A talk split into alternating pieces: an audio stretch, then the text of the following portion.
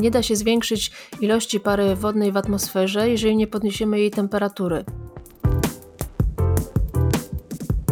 Niezależnie od tego, czy lód spoczywa na wodzie, czy spoczywa na lądzie, wpływa na to, ile promieniowania słonecznego jest przez powierzchnię Ziemi odbijane.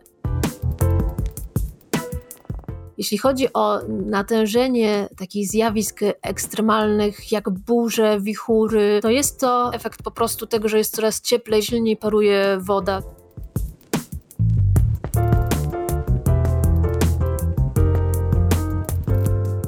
Podcast Zrównoważeni. Y, witają się jak zazwyczaj Michał i Kuba.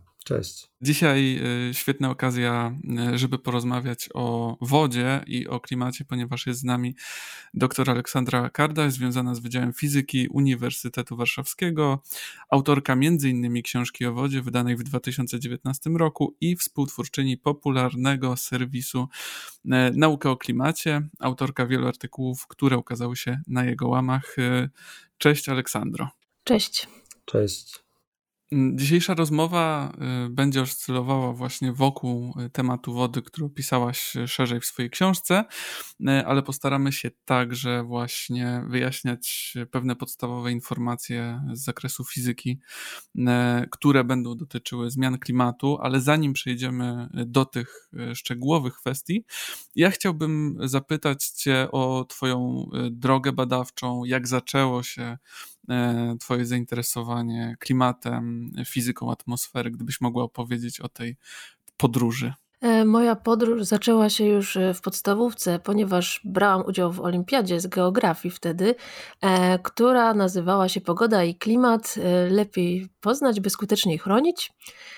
Wtedy, co prawda, w tych materiałach, które trzeba było opanować do olimpiady, więcej było dużo o pogodzie niż o klimacie, ale tak zainteresowała mnie w ogóle atmosfera i to, co się w atmosferze dzieje, to wszystkie kołowrotki, te wszystkie wywroty, te wszystkie zawirowania, czyli cyklony, e, burze, turbulencje i zwykłe chmury, które wcale okazują się nie być takie zwykłe, bo każda jest przecież troszeczkę inna.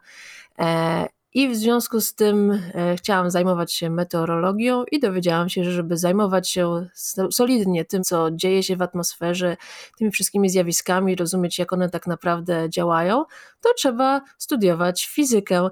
I na szczęście na Uniwersytecie Warszawskim e, jest e, na Wydziale Fizyki również Instytut Geofizyki i tutaj Zakład Fizyki Atmosfery, E, I mogłam w związku z tym taki sobie wyznaczyć cel, żeby zacząć studia z fizyki, dotrzeć do tej fizyki atmosfery na koniec i zajmować się właśnie meteorologią w jakiś sposób, na różne sposoby właściwie. A kiedy już byłam na studiach, i później na studiach doktoranckich z fizyki atmosfery, e, to odkryłam, jaką fajną e, przygodą jest popularyzacja wiedzy, jak można w różny ciekawy sposób przekazywać wiedzę szerokiej publiczności. I tutaj w związku z tym przyłączyłam się do zespołu, który zaczął tworzyć stronę Nauka o klimacie, właśnie popularyzującą wiedzę już o klimacie ciekawa historia, no zwłaszcza, że wspomniałeś o tym, że te wszystkie rzeczy, które tam się kręcą, te kołowrotki, cyklony.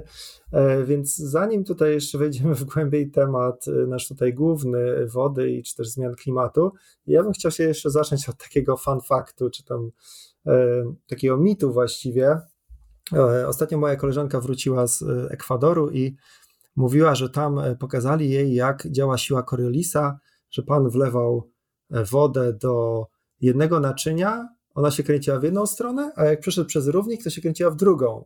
Ja jej powiedziałem, że to jest bójda, ale ona mówiła, no jak to, przecież ona to widziała na własne oczy.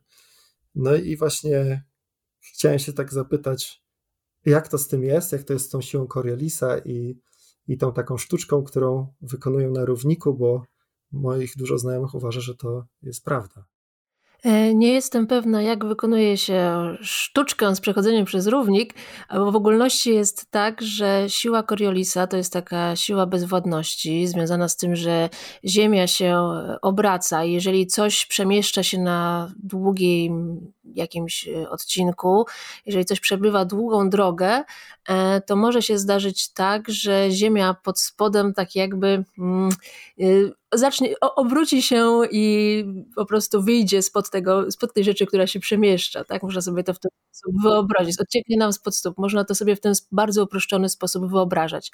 Ale ten efekt ma znaczenie e, dopiero kiedy naprawdę mówimy o dużych odległościach, E, o ruchu na dużym odległości i też raczej dalej od e, równika, bo blisko równika właśnie jest to miejsce, gdzie siła Coriolisa nie ma dużego znaczenia. W związku z tym na pewno dla takich ruchów jak e, takie często przytaczane wylewanie się wody ze zlewu, kiedy obserwujemy takie zawirowanie, często opowiada się o tym, że na jednej półkuli się kręci w lewo, na drugiej w prawo, to no to to jest e, nieprawda. Tutaj większe znaczenie ma już ukształtowanie naszego zlewu, e, tego, czy tam są jakieś nierówności, no i jakiejś orientacji strumienia wody i po prostu różnych przypadkowych zdarzeń, które doprowadzą do tego, że akurat tym razem zaczęło nam się kręcić w lewo lub w prawo.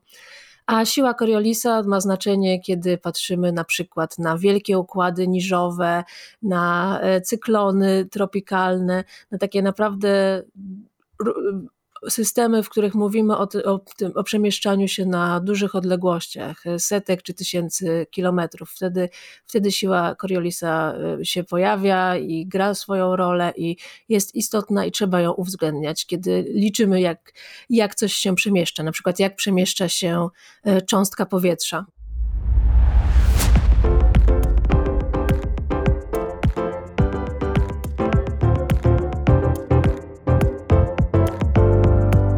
Okej, okay. ja dziękuję za, za szczegółowe wyjaśnienie i y, teraz będę mógł swoim znajomym podsyłać ten podcast i żeby już się więcej ze mną y, nie spierali. Y, no ale w, tutaj właśnie wspomniałeś o, o cyklonach i no i o, o różnych właściwościach wody, a jak to było właśnie też z książką o wodzie? Czemu zdecydowałaś się napisać, co tak bardzo w wodzie, w takiej substancji, która się wydaje no, taka banalna, taka powszechna, co cię tak zafascynowało, że zdecydowała się y, napisać, dedykować jej całą książkę. Akurat tutaj była bardzo prosta inspiracja w postaci wydawczyni, która zgłosiła się do mnie i zaproponowała mi napisanie właśnie takiej książki na ogólny temat wody. E, ale z punktu widzenia popularyzatora nauki, my często stoimy przed takim wyzwaniem, takim zadaniem, że jest na przykład piknik naukowy, albo festiwal nauki, albo inne wydarzenie, w którym głównym tematem znaczy jest wybrany jakiś główny temat, na przykład woda, klimat, powietrze, ruch. Czasami to są dosyć takie abstrakcyjne tematy z naszego punktu widzenia, ale staramy się, żeby wszystkie jakieś prezentacje, artykuły, filmy dotyczyły, te, jakoś nawiązywały wtedy do takiego tematu głównego. Woda jest bardzo dobrym tematem głównym, bo przewija się na całej naszej planecie. E, z mojego punktu widzenia, takiego meteorologiczno-klimatycznego, jest również bardzo ciekawa, bo właśnie bierze udział w całej masie procesów i zjawisk i jest bardzo dużo tematów, które można poruszyć właśnie w związku z wodą, więc uznałam, że no jakoś sobie poradzę, przynajmniej części e, procesów związanych z wodą zachodzących na świecie e, jestem zorientowana, jakoś prze, prze, przekrywają się z moją działką z wykształceniem, a wreszcie e, będę musiała się troszeczkę douczyć, dowiedzieć, przestudiować różne ciekawe źródła, więc może się czegoś nauczę. Tutaj właśnie dział na temat e, wody w naszych organizmach i ogólnie w organizmach żywych, albo e, wody w technice to były działy, e, z których bardzo wiele ciekawych rzeczy się dowiedziałam przy okazji pisania książki. No i co takiego najciekawszego może odkrywać właśnie w, w tych działach, tym na przykład technicznym, albo tym związanym z organizmem ludzkim, czy coś takiego było takim zaskoczeniem? Właściwie spędziłam sporo czasu na tym, żeby y, zrozumieć, jak właściwie działa to, że krew, y, która składa się w dużej mierze z wody, dostarcza do naszych y, różnych części naszego organizmu substancji odżywczych i e, jak to, jak to tak naprawdę wygląda. I po wielu latach od mojej podstawówki, w której być może powinnam się tego dowiedzieć, naprawdę miałam poczucie, że wreszcie zrozumiałam, ale być może dzięki temu, że wiedziałam już też więcej o fizyce i tutaj e, o ciśnieniach, o wy, wy, wymianie i o statystyce. Nagle stało się to dużo bardziej e, zrozumiałe to wszystko, co dzieje się w organizmie. Postarałam się to też opisać takimi dosyć e, prostymi słowami właśnie w mojej książce, więc za, zachęcam, żeby tam zajrzeć, jeśli ktoś chciałby się lepiej zorientować w tym temacie. No właśnie, my też jesteśmy tutaj po to, żeby uczyć się e, podstaw e, i taką jedną z podstaw, o którą ja chciałem zapytać z kolei jest obecność wody, jej rola właściwie w całym tym procesie i, i, i, i zjawisku, jakie, jakie nazywamy efektem cieplarnianym, czyli gdybyś mogła wprowadzić nas właśnie w, w to, jak wo, jaką rolę odgrywa woda w, w efekcie cieplarnianym. Efekt cieplarniany polega na tym, że mamy w atmosferze takie specyficzne gazy, do których należy m.in. para wodna, które przepuszczają promieniowanie słoneczne, promieniowanie widzialne i pozwalają mu docierać do powierzchni Ziemi i nagrzewać tę powierzchnię Ziemi, dostarczać energii, krótko mówiąc. E, natomiast e, specyficzną cechą tych gazów jest to, że e, one przepuszczają promieniowanie słoneczne, widzialne, ale pochłaniają promieniowanie podczerwone. Promieniowanie podczerwone ma taki sam charakter fizyczny jak promieniowanie widzialne, to też są fale elektromagnetyczne, natomiast różnią się długością fali. W związku z tym mamy jakby inny kolor światła, taki kolor już niewidzialny, podczerwony, nie czerwony, tylko podczerwony.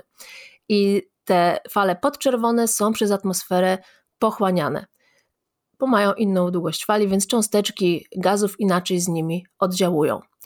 E, I w związku z tym e, nasza atmosfera może służyć jako taki sweterek dla e, powierzchni Ziemi, że pomaga jej utrzymać energię pod sweterkiem, czyli w atmosferze i na powierzchni Ziemi. I jeżeli tych gazów cieplarnianych w atmosferze z jakiegoś powodu przybywa, to wtedy ten nasz sweterek robi się cieplejszy e, i na Ziemi gromadzi się energia i rośnie temperatura na powierzchni Ziemi. A jeżeli e, ilość gazów cieplarnianych w atmosferze jest stała, to wtedy i temperatura powierzchni Ziemi jest stała. W każdym razie efekt cieplarniany to jest po prostu fakt, że e, gazy cieplarniane pozwalają Słońcu ogrzewać Ziemię, ale utrudniają Ziemi wychładzanie się, wypromieniowywanie energii w kosmos. E, I para wodna jest takim specyficznym gazem cieplarnianym, e, ponieważ ma dodatkowo tę własność, że w temperaturach, jakie występują na Ziemi, czyli no między minus kilkadziesiąt a plus kilkadziesiąt stopni, E, ona może tutaj występować w e, wszystkich trzech stanach e, skupienia, czyli może być po prostu lodem, może być wodą taką płynną i może być właśnie parą, czyli cząsteczkami wody unoszącymi się w powietrzu. I to znaczy, że wodę w tych warunkach, jakie są na Ziemi, daje się skroplić bardzo łatwo. Wystarczy obniżyć odpowiednio temperaturę. Jeżeli pary wodnej okazuje się być w atmosferze za dużo, to ona się wtedy skrapla. Z innymi gazami cieplarnianymi tak nie ma, to znaczy dwutlenek węgla na Ziemi jest gazem i tyle. E, nie, nie znajdujemy go tutaj, nie daje się go tak łatwo skropić, trzeba to zrobić w laboratorium. E, podobnie z innymi gazami, e, one w atmosferze po prostu pozostają cały czas. Tyle, ile ich wpuścimy, tyle ich tam jest, chyba że są jakieś reakcje chemiczne, które, które je rozkładają. Na przykład metan po jakimś czasie się utlenia. Mhm, Okej, okay, to ja może przerwę, bo ja bym tak chciał sparafrazować jeszcze z tym efektem cieplarnianym, czyli że Mam atmosferę i ona ma po prostu taką własność, że słońce sobie świeci, wysyła do nas energię, y, dostajemy ją y, y, na, na Ziemi i wtedy już jakby to promieniowanie Y, takie odbite, tak?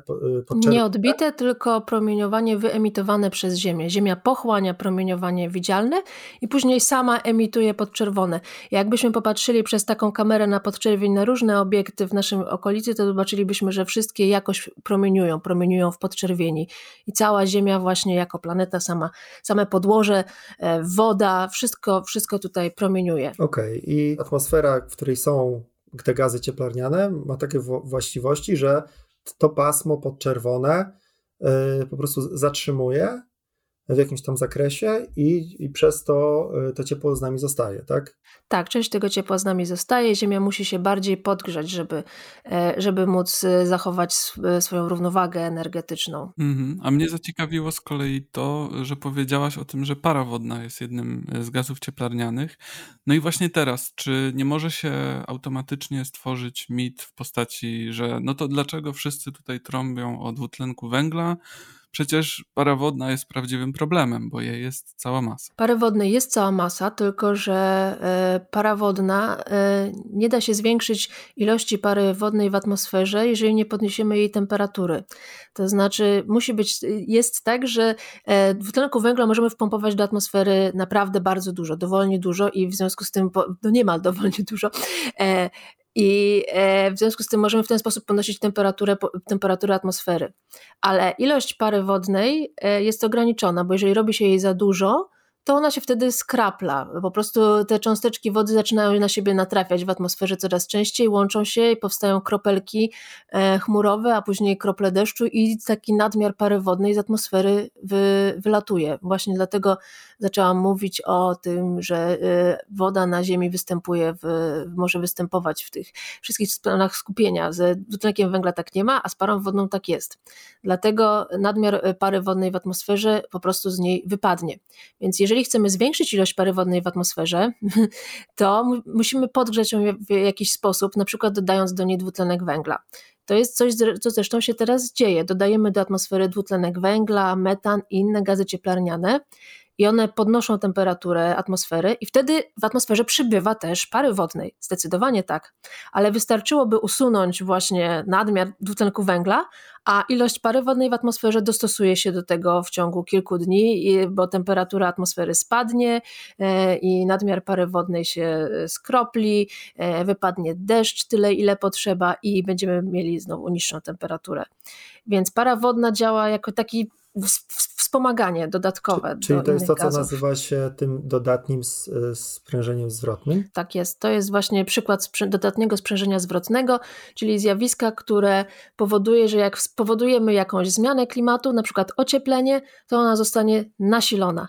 I też odwrotnie, gdybyśmy spowodowali ochłodzenie klimatu w jakiś sposób, to wtedy też mielibyśmy tutaj dodatnie sprzężenie zwrotne, bo pary wodnej by ubyło z atmosfery jeszcze więcej i, i temperatura spadłaby jeszcze bardziej niż, niż to spowodowaliśmy, więc, więc tak działa dodatnie sprzężenie. Okej, okay, czyli tutaj też różnica pomiędzy taką parą wodną a CO2 e, jest też taka, że właśnie no CO2, które już zostanie wyemitowane, no to ono jest usuwane z atmosfery przez bardzo długi czas a y, ta para wodna, no to mówiłaś o kilku dniach, tak? Że jeżeli tu były jakieś zmiany i ta adaptacja była kilkudniowa. Tak jest, para wodna bardzo, bardzo szybko dostosowuje się do zmian średniej temperatury powierzchni Ziemi, bardzo szybko może wzrosnąć lub spaść, bo mamy przecież, jeżeli chodzi o wzrost, to jest w ogóle prymitywnie proste, bo większość Ziemi pokrywa ocean, czyli wielkie, wielkie źródło pary wodnej. E, no jeśli chodzi o skraplanie, to trzeba e, być może troszeczkę, troszeczkę dłużej, ale to wciąż właśnie pozostajemy w takim czasie kilku dni, no może kilku tygodni e, żeby wszystko się znów ustabilizowało. Więc tutaj nie ma takiego zagrożenia, że, że, że uda nam się na przykład zwiększyć ilość pary wodnej w powietrzu i, i coś w związku z tym uzyskać jakąś, jakieś ocieplenie klimatu. para wodna zawsze się dostosowuje do innych gazów cieplarnianych. Mm, cieszę się, że, że, że to wyjaśniłaś.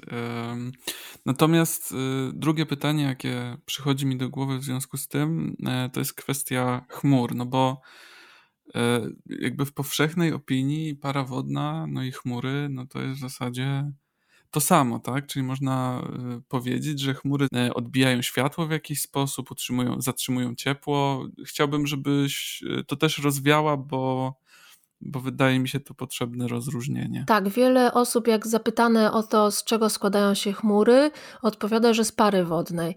A prawda jest taka, że w chmurach oczywiście para wodna występuje, ale żebyśmy zobaczyli chmurę, to muszą tam istnieć e, kropelki wody, bo to kropelki wody lub kryształki lodu ewentualnie rozpraszają promieniowanie słoneczne tak skutecznie, żebyśmy zobaczyli taki biały obiekt na niebie.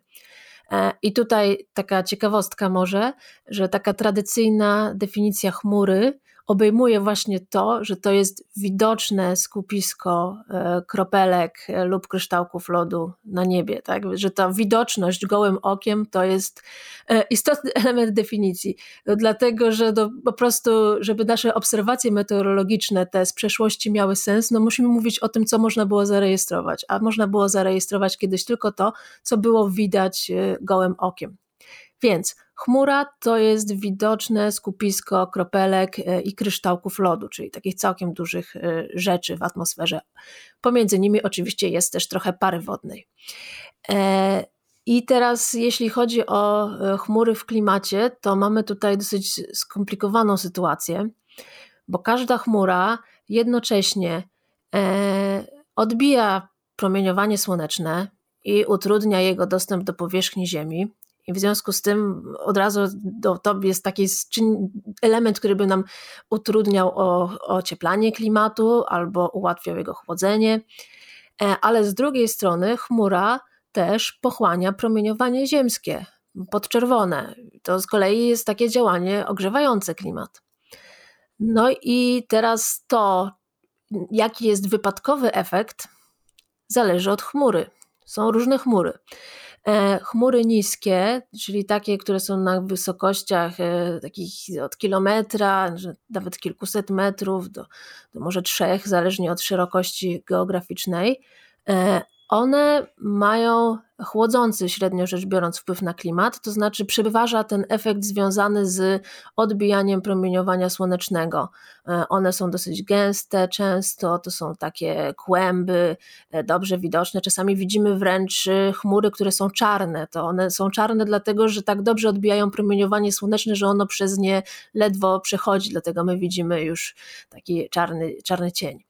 Więc te niskie chmury y, wpływają na klimat chłodząco, natomiast chmury wysokie, takie, które są na wysokościach y, nie wiem, tak 7 do 10 czy nawet 12 kilometrów, y, one są zwykle takie przejrzyste, odbijają mało promieniowania słonecznego, natomiast to, że są tak wysoko, oznacza, że mają duży wpływ na bilans energetyczny i one wpływają z kolei, średnio rzecz biorąc, ogrzewająco na klimat.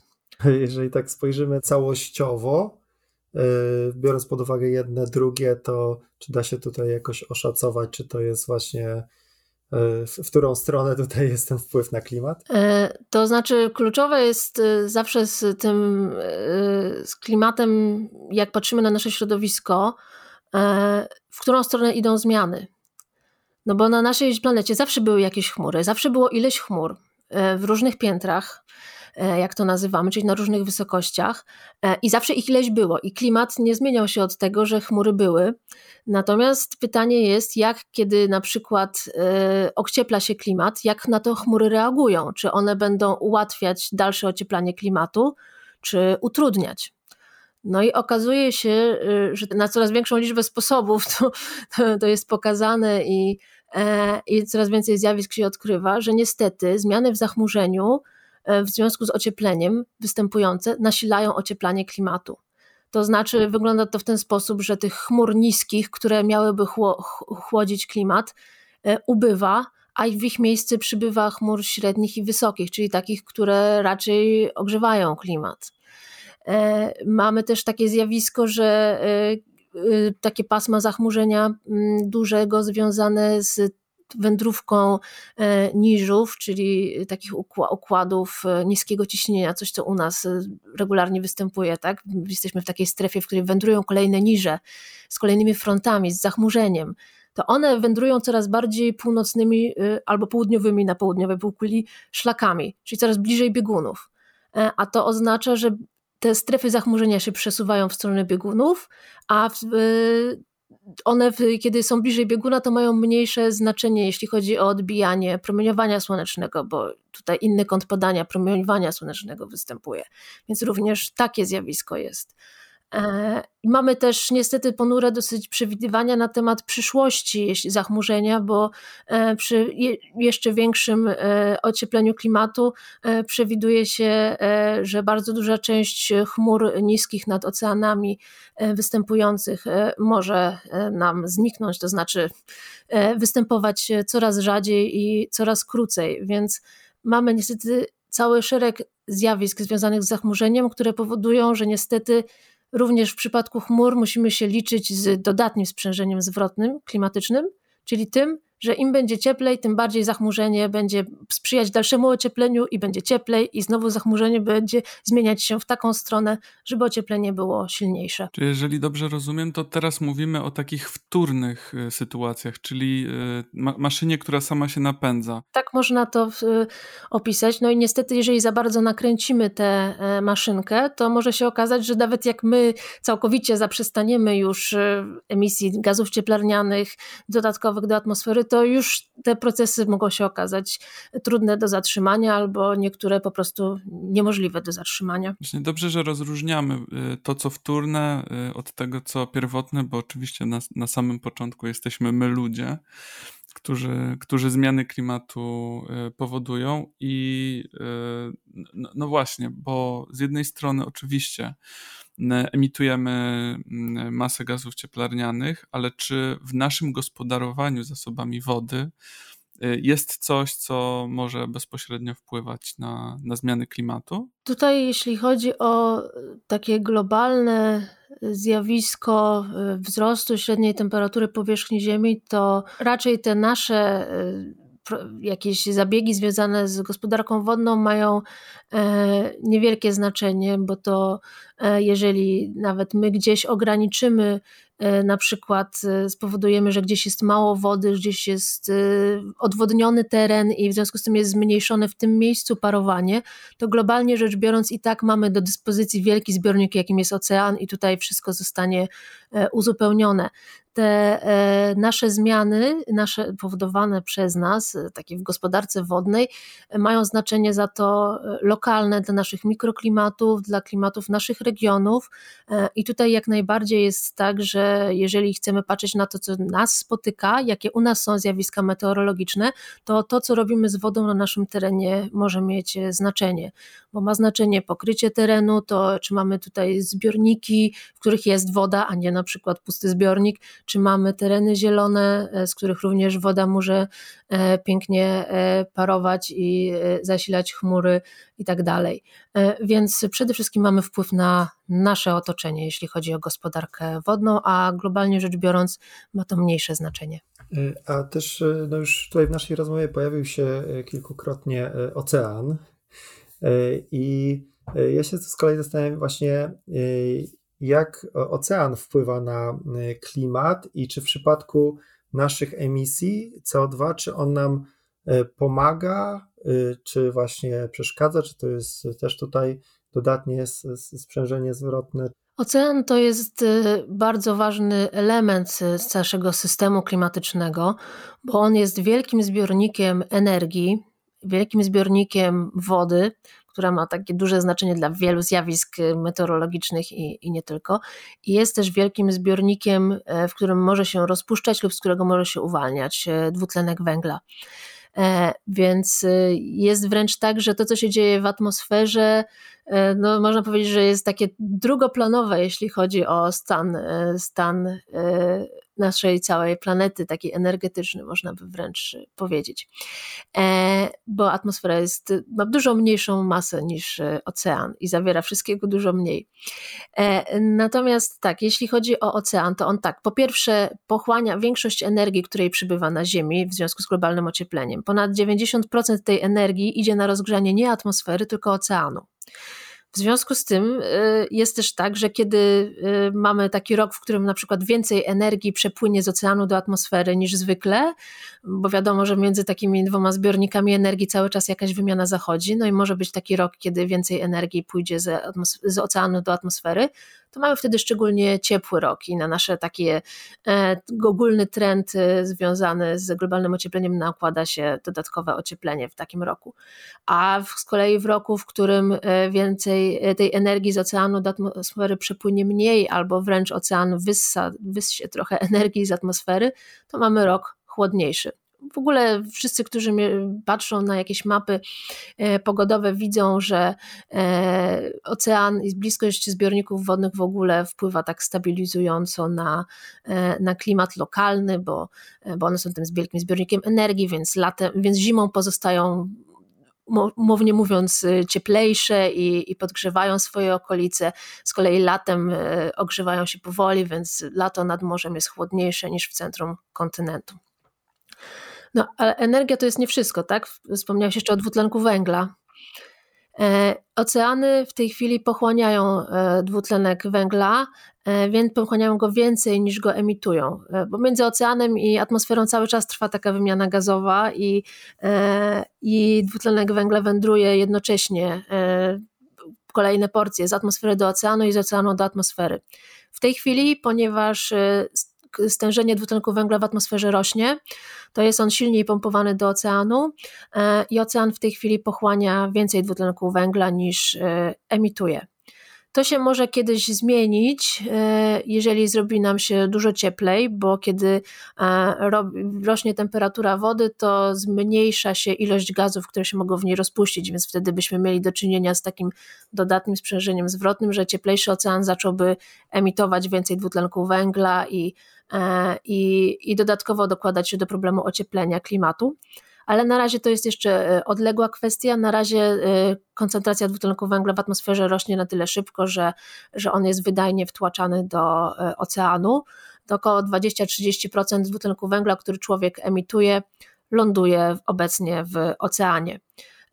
Niestety to powoduje różne e, problemy dla organizmów, które w tym oceanie żyją, bo zmienia się skład chemiczny e, wody. E, mówimy o zakwaszaniu oceanu, czyli woda robi się mniej zasadowa. To wpływa na możliwości budowania szkielecików i pancerzyków czy raczej muszelek, chyba to są formalnie chyba muszelki, e, e, różnych e, morskich żyjątek, więc mm, mamy tutaj niestety takie negatywne efekty dla oceanu. Więc ocean trochę nam pomaga, spowalnia zmiany, które następują. Gdyby, gdyby oceanu nie było, to, to one następowałyby dużo, dużo szybciej, ale no nie możemy polegać, że to, że to, że to nas uratuje.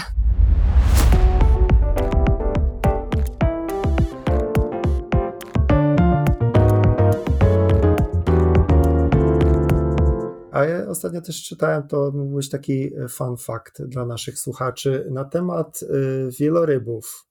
E, I to było właśnie na Nauka o Klimacie, bo na Instagramie. I tam było właśnie, że wieloryby też pochłaniają jakiś tam mały, mały procent, ale tego CO2. Czy mogłabyś o tym opowiedzieć? Po prostu wieloryby y, są po prostu częścią takiego wielkiego, wielkiego obiegu węgla w przyrodzie. E, dwutlenek węgla jest cały czas emitowany i przez organizmy żywe, przez y, wulkany, przez ocean, ale też cały czas jest y, z tej atmosfery wycofywany również przez organizmy żywe między innymi. E, takimi organizmami są na przykład różne, różni przedstawiciele planktonu prowadzący fotosyntezę.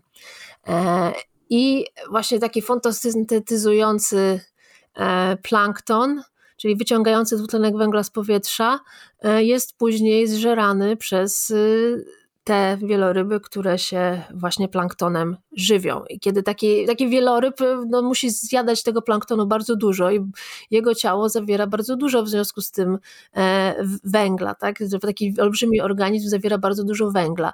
E, I kiedy e, wieloryb po wielu latach, mam, miejmy nadzieję, szczęśliwego życia, w końcu jednak umiera, to jego szczątki opadają na dno oceanu i to jest taki jednorazowy, dosyć duży zastrzyk węgla, który przechodzi z czegoś, co, się, co podróżuje po całym oceanie, tak? kręci się w tej z powrotem e, pomiędzy e, miejscami, gdzie jest dużo planktonu, e, co ląduje na dnie oceanu i tworzy e, osady morskie. Później e, takie warstwy osadów są coraz bardziej grzebane pod kolejnymi warstwami osadów. Mogą też wędrować w głąb, w głąb ziemi, jeżeli dana płyta oceaniczna jest, podlega subdukcji, czyli takiemu wpychaniu wciąganiu pod, pod inną płytę, e, pod inną płytę tektoniczną, e, więc e, jest to po prostu element przenoszenia węgla z atmosfery przez plankton na dno oceanu, taki przyspieszony.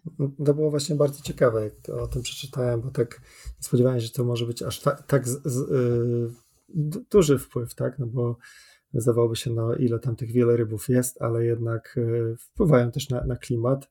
To też pokazuje, jak ten system jest skomplikowany i ile jest tutaj różnych powiązań. Na samym początku rozmowy mówiłaś o tych trzech stanach, w jakich może występować woda na Ziemi i że to jest dosyć unikalne. E, I mówiliśmy też, e, wspomniałeś o postaci stałej, czyli o lodzie. I tutaj chyba też by było warto dodać trochę do tej układanki informacji na temat tego, jak lód e, wpływa na klimat i, i jak, jak on tutaj w tym całym systemie naszym klimatycznym działa. E, rzeczywiście lód e, jest czymś również, z czym się trzeba liczyć, jeżeli patrzymy na system klimatyczny Ziemi. E, lód tak przede wszystkim pokrywa duże obszary Ziemi w okolicach biegunów. Na biegunie północnym jest to przede wszystkim obszar oceanu, który jest pokryty lodem, który się na jego powierzchni unosi, taką grubą, nieregularną krą. E, na południowej e, półkuli mamy w tym miejscu ląd, który jest e, też pokryty lodem, lądolodem tym razem.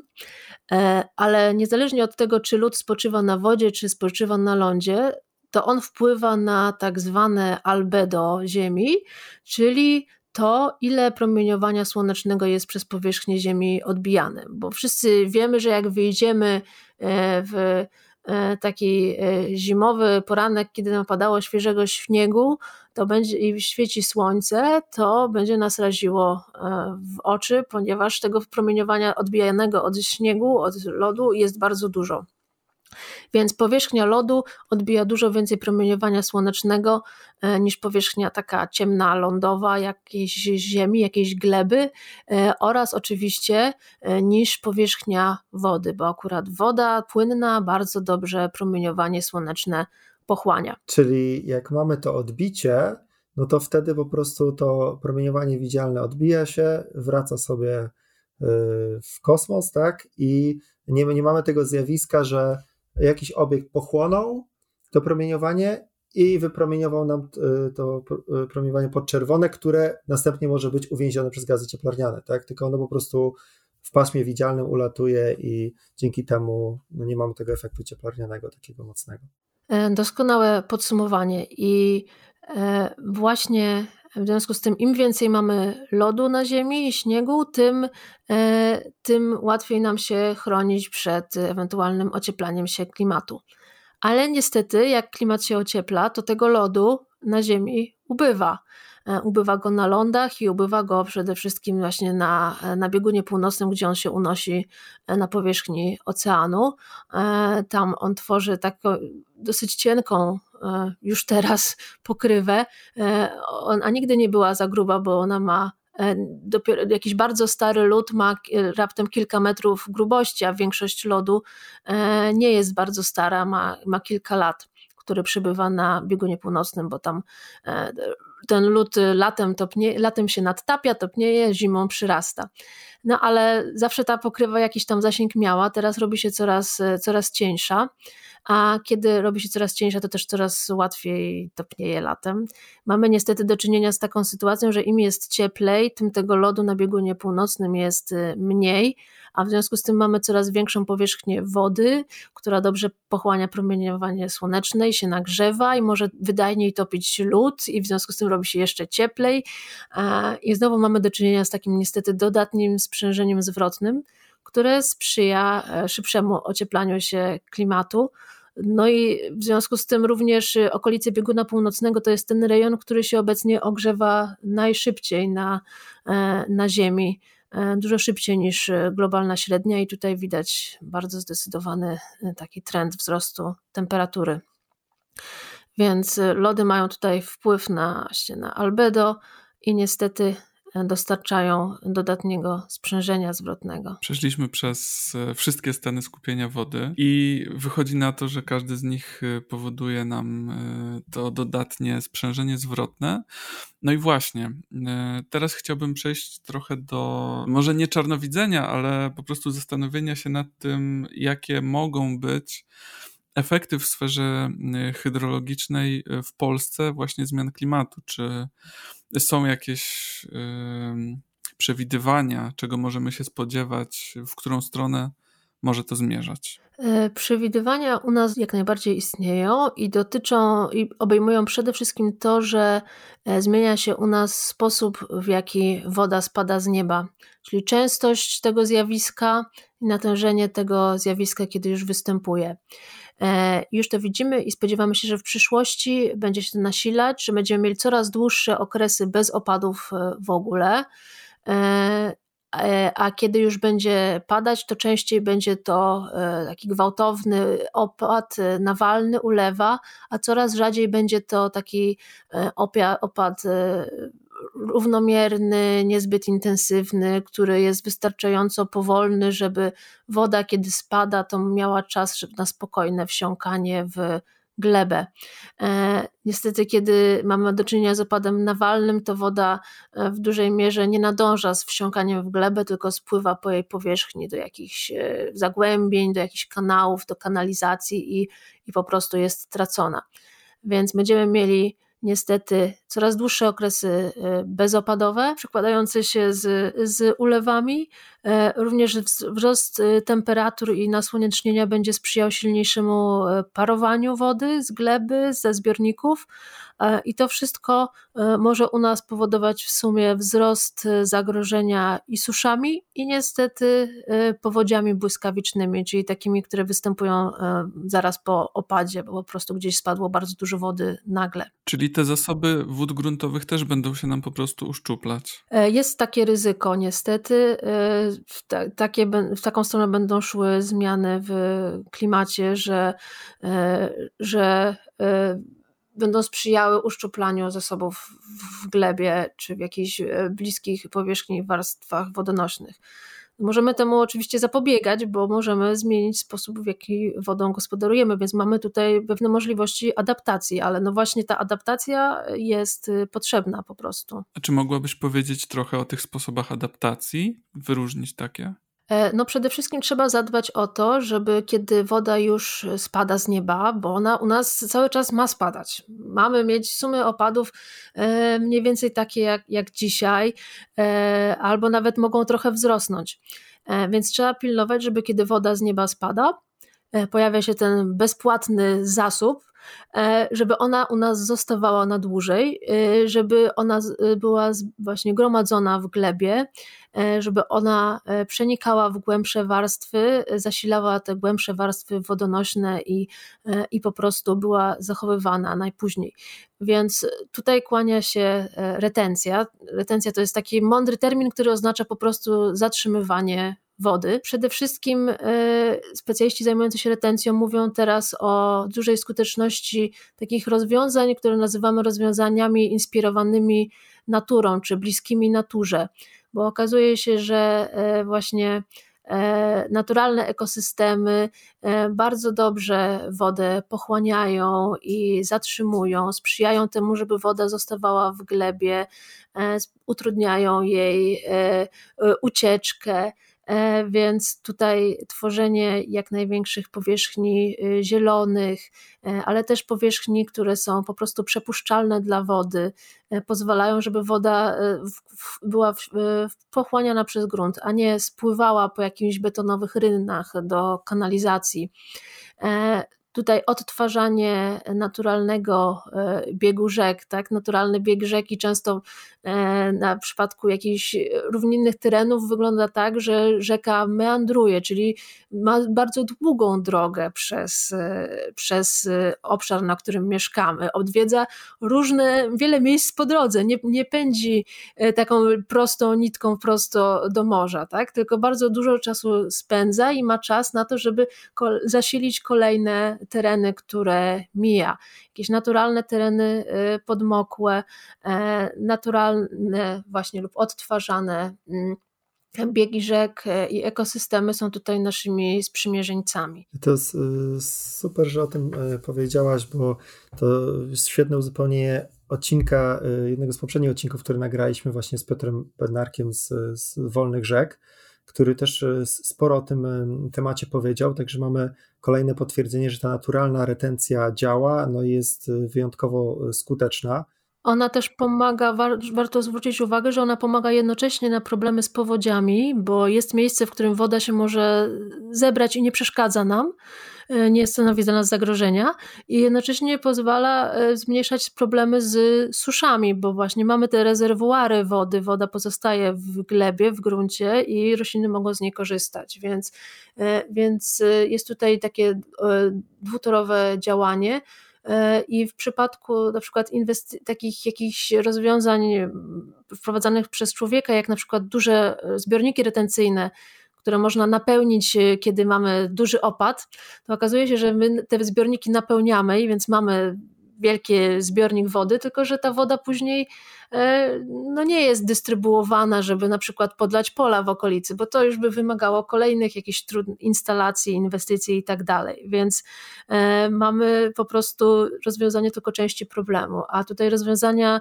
inspirowane naturą pozwalają nam rozwiązywać więcej problemów jednocześnie. Więc tutaj specjaliści zajmujący się retencją właśnie wskazują, że E, te rozwiązania są skuteczniejsze na dłuższą metę niż takie inżynieryjne, twarde, e, zbudujmy coś i, i będzie zrobione. Tak? No ja to też jako e, informatyk widzę to w ten sposób, że no przechodzimy z tych systemów scentralizowanych, czyli takiego wielkiego zbiornika, gdzie właśnie zarządzamy w jednym miejscu, wielka centrala wody, do tych systemów takich rozproszonych, które w przypadku internetu no, są o wiele bardziej y, skuteczne w, w wielu zastosowaniach niż, niż właśnie taki system centralny, który po prostu też jest takim jednym zawodnym punktem. Jak tam coś zawiedzie, no to wtedy może mieć katastrofę, a, a te systemy rozproszone bardzo dobrze działają przy minimalnych właśnie nakładach. I to też jest tak w informatyce się sprawdza i w tym, jak działa internet, więc no chyba coś w tym jest, że, że jest to po prostu lepsze mm, podejście. E, a ja bym chciał jeszcze właśnie wrócić do tego, czyli w Polsce ilość opadów się mniej więcej będzie zgadzała, tylko po prostu pójdziemy w takie dwa ekstrema, że będzie bardziej sucho, a później jak już będzie padać, to będzie bardziej ulewnie. A jak to jest właśnie od strony e, fizyki, że że te zjawiska właśnie, one się tak y, robią coraz bardziej ekstremalne, że burze są bardziej gwałtowne, jak, jak się właśnie klimat tam teraz zmienia, że, że, że te susze są, są dłuższe. Czy, czy czemu one się takie robią bardziej ekstremalne? E, tutaj jest odpowiedź zależy już właśnie od tego, na jakim zjawisku się skoncentrujemy bo ta już cała, jeżeli patrzymy na klimat po prostu tak z zewnątrz, z kosmosu i patrzymy jaka jest silna temperatura Ziemi, to wszystko jest bardzo proste, bilans energii, koniec rozmowy. Ale jeżeli patrzymy na to, co się dzieje już tak e, w naszej w takiej mniejszej skali, to zaczyna się okazywać, że bardzo dużo zależy od różnych y, lokalnych zjawisk, od tego, co się przypadkowo dzieje w jakimś, w jakimś miejscu, e, od różnych, różnych czynników. Jeśli chodzi o natężenie takich zjawisk ekstremalnych, jak burze, wichury, e, e, roz, po prostu powstawanie rozbudowanych chmur, z których może potem wypadać dużo wody, to jest to globalnie rzecz biorąc efekt po prostu tego, że jest coraz cieplej, w związku z tym coraz silniej paruje woda z e, oceanów, coraz silniej paruje woda z powierzchni Ziemi, e, a takie e, ogrzewające się od powierzchni Ziemi ciepłe powietrze jeszcze z, z, z dodatkiem dużej ilości wilgoci, to jest właśnie to, co jest potrzebne, żeby powstawały cyklony tropikalne, aktywne niże w naszych szerokościach geograficznych, burze i tak dalej. Więc te zjawiska są po prostu tak napędzane tym, robią się coraz silniejsze e, dzięki temu, że mamy coraz więcej energii trafiącej do atmosfery i coraz więcej wilgoci.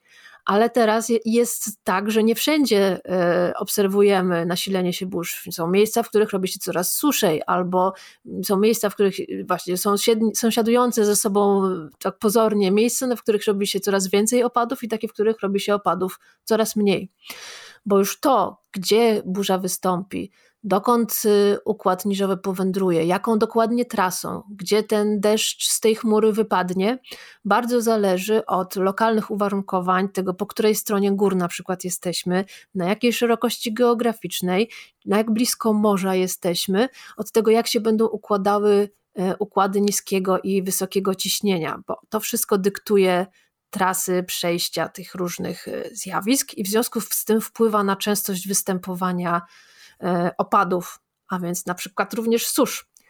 I w naszej sytuacji, może, y, ponieważ ka w każdej części świata, to kiedy pada deszcz, no ma inne uwarunkowania w zależności od właśnie szerokości, bliskości morza i tak dalej. Więc może powiem y, tutaj na przykładzie Europy i Polski. U nas to, jak często i kiedy pada deszcz, zależy na ogół od tego, kiedy przy, jak często przychodzą do nas ośrodki niżowe z zachodu czy ogólnie mówiąc z zachodu, czasem to jest trochę bardziej północny zachód, czasem bardziej południowy. E, I to zjawisko się obecnie zmienia, dlatego że Arktyka jest coraz cieplejsza, e, biegun północny jest coraz cieplejszy. To powoduje takie przebudowanie właśnie układów ciśnienia nad, nad Europą, że coraz rzadziej do nas przywędrowują te układy niskiego ciśnienia z zachodu z deszczem i opadami Coraz częściej mamy za to napływy powietrza z północy, napływy powietrza z południa albo z, od strony kontynentu. I to wtedy najczęściej jest, y, y, często jest powietrze suche, czasami z północy się jeszcze zdarza wilgotne. No ale chodzi o to, że coraz częściej mamy napływy powietrza e, albo takie wręcz stabilizacje warunków, w których w sumie trudno mówić o napływie, po prostu mamy powietrze i ono siedzi w miejscu. E, jest to efekt y, właśnie zmian w kierunkach napływu e, powietrza nad nasz region, a to z kolei zależy od układów ciśnienia, które zależą od układu temperatur i tak dalej, i tak dalej. Więc jest to dosyć złożone, złożony efekt, ale e, jest opisany w, e, w fizyce, jest reprodukowany w modelach klimatu, czyli w, które zbierają wszystko, co wiemy o tym, E, jak klimat działa, więc daje się to również zrozumieć, jak się człowiek postara. Ja bym chciał tak jeszcze na rozluźnienie, żebyśmy może trochę odeszli od, od tej fizyki na chwilę. E, chciałbym Cię zapytać, czy oglądałaś film Don't Look Up? E, tylko początek, przyznam, okay. bo, bo, mnie znudził. A, okej, okay. no bo właśnie e, na przykład tam była taka sytuacja, kiedy Leonardo wszedł na, na, e, na tam jakieś Twittera czy social media i zaczął odpowiadać na komentarze, a z kolei na przykład jak ja się tutaj przygotowałem do tego podcastu, byłem na stronie Nauka o Klimacie i widziałem, jak ty odpowiadasz na, na komentarze jakiegoś właśnie gościa, który nie dawał sobie spokoju i tam różne śmieszne rzeczy pisał. E, no i pomyślałem, że no jakieś tutaj jednak twórcy filmu znaleźli e, motywy, które gdzieś, gdzieś no, pokrywają się z tym, jak to czasami wygląda i właśnie się zastanawiam, jakie masz przemyślenia na ten temat. E, no wiem, że wiele osób e, zajmujących się klimatem, wielu klimatologów e, odnalazło tutaj w tym filmie wątki, które jakoś nawiązywały do ich codziennych doświadczeń, więc tutaj pewnie scenarzyści odrobili lekcję.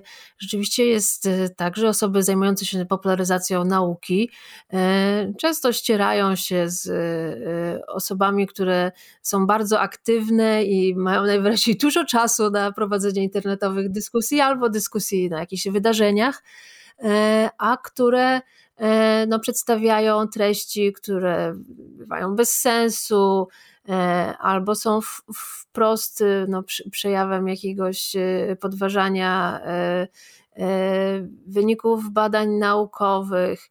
E, czasami widać, że to jest związane z jakimś politycznym e, nastawieniem, że komuś nie odpowiadają rozwiązania, które pozwoliłyby nam na zatrzymanie zmiany klimatu, więc e, zanim zacznie dyskutować o tych rozwiązaniach, to woli na wszelki wypadek stwierdzić, że samego problemu w ogóle nie ma.